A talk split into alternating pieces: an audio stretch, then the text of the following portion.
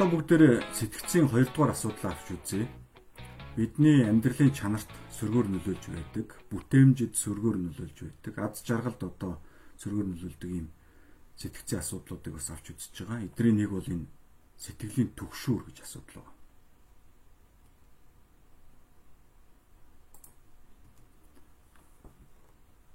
За та бид нар ил ухамсар, даалт ухамсар далд ухамсартаа нэг юм бодлоо, ил ухамсартаа өөр юм бодлоо гэдээ бас ярьдаг. Аа энэ анх одоо ил ба далд ухамсарын асуудлыг бол психоанализ буюу Зигмунд Фройдын үндсэлсэн энэ урсгал 1900-аад оны үед анх гаргаж ирсэн. Юу гэж үздсэн бэ гэхээр хүний энэ сэтгэл зүйн дийлэн хэсэг нь бол далд байд юм байна. Хүнд өөрт нь мэдрэгдэхгүй далд байдаг. Чинь бид нар одоо зүгээр ажиллаа хийгээд сууж итэл гинэт өөд болсон эмээгийн маань ч юм уу эсвэл багын нэг үйл явдлын ч юм уу дурсамж гинт ороод ирдэг. Ил хумсарт. Хаанаас гарч ирсэн бүүмд гинт л ороод ирдэг. Тэгээд тэрийг бид нар жоохон үргэлжлүүлж бодож жагаад тэгээд цаашаа эргээд одоо хийжсэн зүйлийг үргэлжлүүлээ хийдэг. Тэгэхээр энэ бол яаж юм? Далд ухамсар гэдэг чинь бол байнгын далд явж идэг. А ил ухамсар гэж бид нар юу ярьж байгаа вөхөр энэ бидний яг одоо бодож байгаа бид нар яг өөрсдөө зориуд зоригтойгоор бодож байгаа энэ бодлуудыг хэлж байгаа юм. А далд ухамсар гэдэг бол биднэрт мэдэгдэхгүй тэгээд тэр одоо хөшгөний ард явагдаж байгаа сэтгэл зүйн процесс гэж ерөөхдөө хэлж байна. Ингээд 1950-ад оны үед бол энэ далд ухамсар, ил ухамсар гэдэг бол судалгаагаар огт нотлогдохгүй байна. Гэт энэ Зигмунд Фройдын психоанализын сургууль бол их цохилтонд орсон. Ер нь бол их дарагдсан. За эргээд 1980 90-ад оноос эхлээд хүнд үнэхээр далд ухамсар байдаг юм байна. Үнэхээр одоо өөрт нь мэддэхгүй сэтгэл зүйн процессыг тасралтгүй явж идэм байна гэдгийг бол маш олон нээлтүүд хийгдсэн. Энэ дэр Нобелийн шагнал авсан хүмүүс ч байж байгаа. Ингээд эргээд энэ Фройдын энэ одоо анхны томьёол бол зөв байжээ. гэдэг ийм юм руу өнөөдөр ингээд орчин үед бол сэтгэл зүйн ухаан ороод явж байгаа. Тэгэхээр таны өөрийн чинь болон таны хүүхдийн одоо сэтгэл зүй ухамсар бол ил ба далд гэсэн юм хоёр одоо бүтцтэй байх нэ гэж хэлэх нь байна. За Зигмунд Фройд анх яг яг яаж энийгээ тодорхойлсон бэ гэхээр далд ухамсар, ил ухамсар гэдэг хоёр зүйлийг бол хооронд нь зохицуулж идэг хүчин зүйлийг эго гэдэг юм аа. Далд ухамсараас маш их шаардлага хэрэгцээ шаардлагууд гарч ирдэг.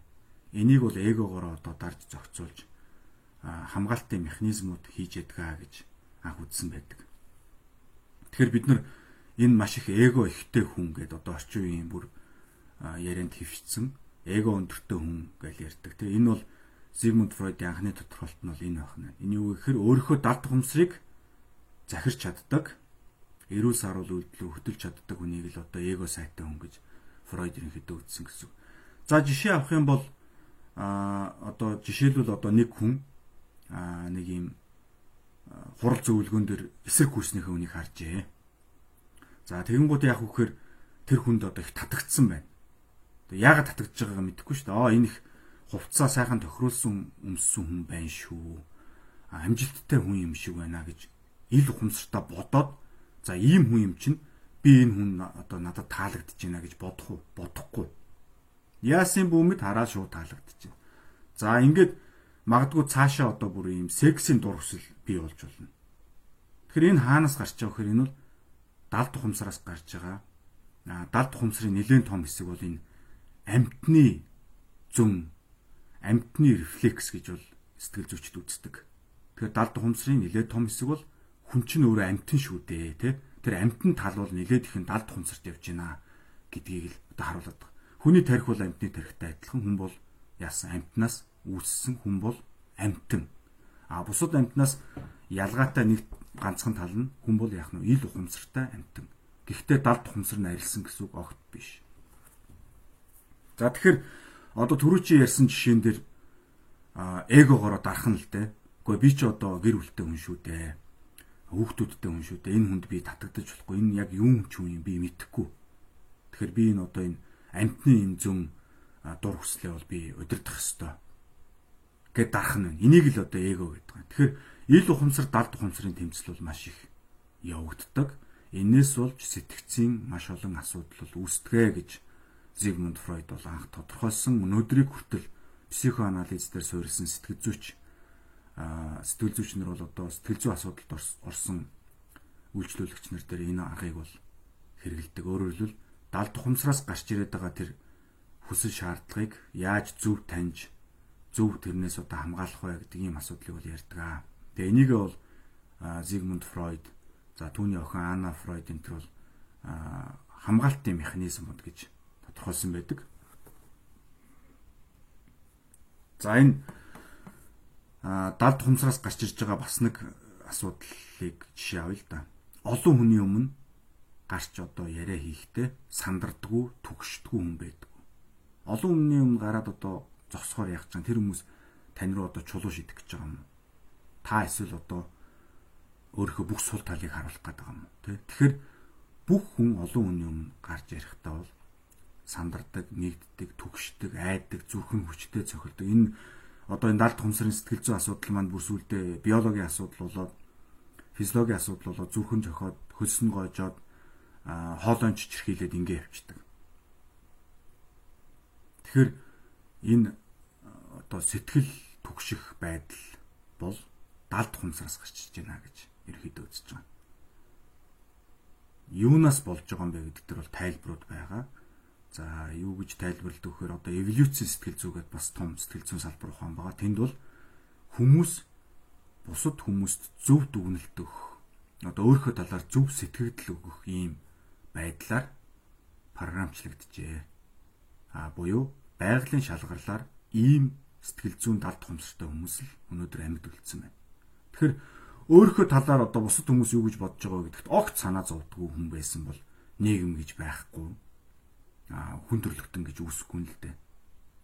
Тэгэхээр тийм бусад одоо хүмүүс өөрийг нь юу гэж харж байгаа бол тэр хүмүүст одоо аятайхан сэтгэл төрүүлэх юмсан тэр хүмүүс намайг муу сул гэдэг дүгнчих вэ гэдэг ийм сэтгэл зүйн гажигтай амьтд нь байгалийн шалгарлаар амьд үлдсэн өнөөдөр хүртэл хөгжсөн байна. Тэгэхээр нийгмийн цав бол өөрөө эргээд энэ далд хумсартайгаа бас сэтгцийн сэтгэл зүйн төгшүүр те энэ санаа зовнил чинь бас ийм байх магадaltaй гэдэг энэ тайлбарыг бол би бас нэлээд бодиттой тайлбар болов гэж бодож байна. За ингээд би далд хумсар ил хумсрын талаар сэтгэл зүйн төгшүүрийг одоо ярих үедээ бол тайлбарлаж өглөө. За сэтгэлийн төгшөөр сэтгэл зовнил гэдэг бол орчин үеийн нийгмийн сэтгцийн хамгийн том асуудал. Тэгэхээр хүмүүс сэтгэл зүйч эмчтэр очдог хамгийн том шалтгаан бол энэ юм байна. За төгшүүртэй байх, байнга санаа зовох, тэ байнга сэтгцийн, сэтгэлийн юм зовнилтой байх ийм шимж тэмдгүүд бол илэрнэ. За ер нь шаналгаатай, давтамжтай гэдэг ийм гол зүйл байна. Тэгээ шийдэл ерөөсөө харагдахгүй. За олон хүний өмнө гарч үг хэлэхэд шийдэл байна уу? тэг харагдахгүй айдаг. Тэгээд тэрнээсээ болоод хүн бол дахиж олон хүний өмнө гарч үг хэлхээсээ бол цутаадаг болох нь байна. А би нэг л жишээ авч байна.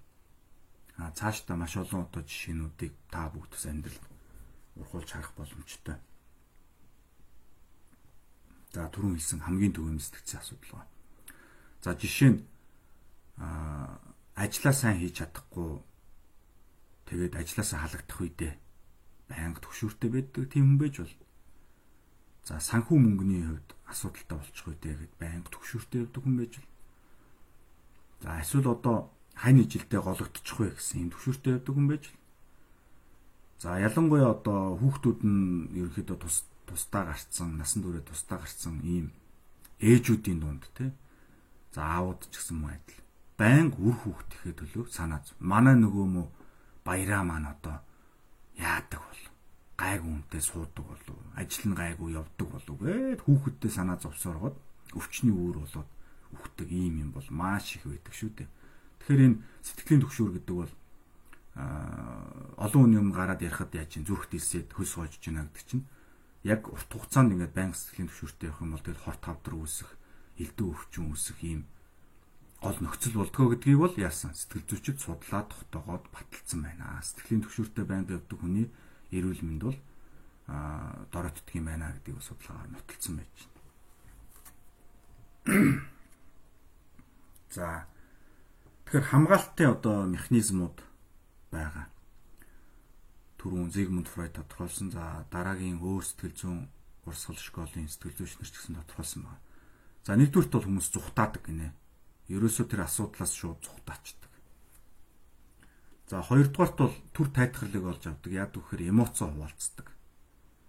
За эмэгтэйчүүд бол энэ аргыг их төлхөө хэрэгэлдэг юм байна.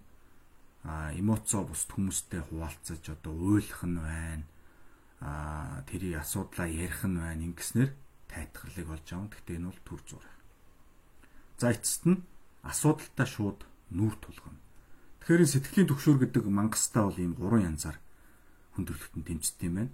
За зүхтаах энэ одоо механизмыг бол хүүхдүүд маш их хэрэгэлдэг, түлхүү хэрэгэлдэг гэсэн үг. Яг тэгэхээр эдгээр бол асуудлыг шийдэж чадахгүй, эмоцоо яаж хуваалцахаа мэдэхгүй учраас шууд мартаад зүхтаачдаг. А энэ нь эргээд маш том одоо шархвалж үлдэх, дал тухамсарт маш том хоосон хөндий орон зайг үүсгэх юм эрсдэлтэй байдаг. За тэр эмоцоо хуваалцах бол нэг удаа уйллаа инглээ тэглээгээд бол мэдээж юм асуудал шийдэгдэхгүй.